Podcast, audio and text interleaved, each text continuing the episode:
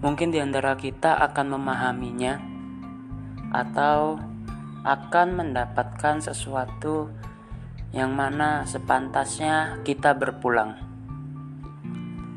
Jadi semakin ke sini semakin paham ya atau kita sebenarnya memahami tapi jarang menyadarinya akan sesuatu yang benar-benar berharga atau bisa jadi yang dinanti-nantikan setelah sekian lama menunggu.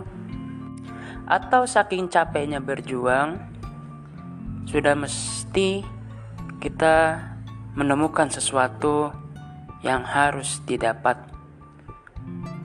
Kesannya itu seperti kalkulasi, spekulasi, hitung-hitungan. Bukannya berarti tidak rela atau tulus terkadang ketulusan dan kerelaan itu dieksploitasi oleh orang-orang yang tidak bertanggung jawab. Maka dari itu, makin sadar kita akan sesuatu yang begitu berharga.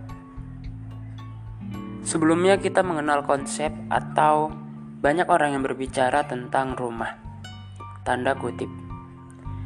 Ya di mana rumah itu tempat berteduh, tempat membersihkan diri, tempat untuk menghangatkan juga kalah kedinginan, tempat untuk melakukan segala aktivitas yang diperlukan.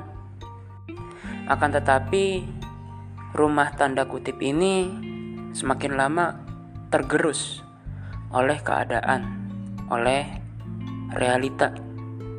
Bagaimana enggak? Satu persatu semakin banyak dan mungkin di antara kita sudah merasakan apa yang disebut hanya sebatas rumah atau hanya senama rumah atau hanya penyebutannya saja. Bukan berarti sebuah makna atau perasaan. Kalau boleh jujur banyak sekali keluh kesah yang kita lihat di berbagai media sosial. Entah itu di TikTok, Instagram, Facebook, bahkan Twitter, tempat meluapkan segala sesuatu yang dominannya itu keluh kesah.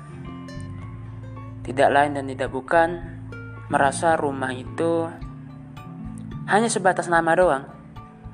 Sudah tidak memiliki makna. Sudah bukan tempat yang dirindukan. Kita berbicara fakta. Bagaimana kalau rumah itu yang semestinya kita tempati justru atau bisa menjadi hal yang sering kita tinggalkan atau kita pergi. Kita pergi dari rumah sering kali entah itu karena tanda kutip rumahnya itu kotor, rumahnya berantakan, rumahnya itu bau dan lain sebagainya, mau tidak mau kita sering meninggalkan rumah tersebut. Sudah berbenah, sudah rapi-rapi. Ada saja dari dalam rumah tersebut hal-hal yang tidak diinginkan. Mau nggak mau, rumah mana yang kita cari? Mungkin konteks sekarang itu bukan soal rumah atau tempat tinggal, melainkan sebuah momen untuk berpulang.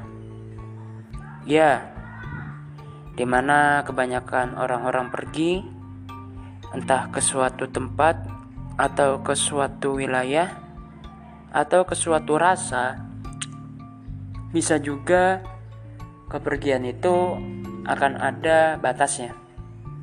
Maka dari itu, dibutuhkan tempat yang bisa dibilang bukan tempat juga, atau lebih enaknya itu nuansa, suasana. Suasana untuk berpulang. Misalnya begini. Sudah berpergian atau melakukan destinasi otomatis capek, lelah, letih, lesu. Mau tidak mau kita harus berpulang. Nah, berpulang di sini tempat yang atau bukan tempat atau nuansa ya bisa dibilang nuansa. nuansa berpulang ini kita disambut. Kita dimeriahkan atau minimal ada senyuman yang hadir saat perpulangan tersebut. Nuansa yang diidam-idamkan yang sudah pasti ingin didapatkan. Saat berpulang, merasa lelah, capek, letih, lemas, lesu, kita dihadiahkan atau dihidangkan dengan makanan yang begitu menarik. Bukan berarti mewah, karena kemewahan itu membuat banyak orang terlena akan kesetiaan dan pembuktian. Bisa juga kemewahan itu melupakan atau lalai dalam hal perjanjian. Ini bukan soal kemewahan, tetapi tentang berpulang kepada hal-hal yang bisa dibilang menghadirkan ketenangan, ketulusan, kesetiaan, maupun perjanjian. Banyak di sana yang pergi ke sana dan kemari hanya sekedar mengisi kekosongannya. Padahal mereka lupa untuk berpulang ke mana ia berasal. Dan berpulangnya ini menurut saya itu tidak harus rumah entah itu bisa ke taman, entah itu bisa ke sawah, bisa juga ke alam semesta yang begitu luas. Atau mungkin memandang langit pun itu sudah bisa dibilang untuk berpulang. Berpulang kepada nuansa yang tepat adalah dambaan untuk semua orang. Karena semakin banyak orang-orang di luar sana dan mungkin kita merasakan rumah itu sering kita jadikan tempat untuk pergi. Selalu pergi, entah itu tiba-tiba ataupun terencana.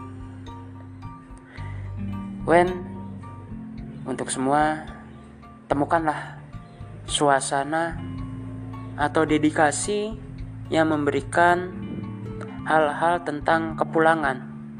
Berpulang disambut dengan hangat, diberikan nuansa senang, tempat mencurahkan, bahkan bisa dibilang hal yang diidam-idamkan. Jangan lupa untuk berpulang.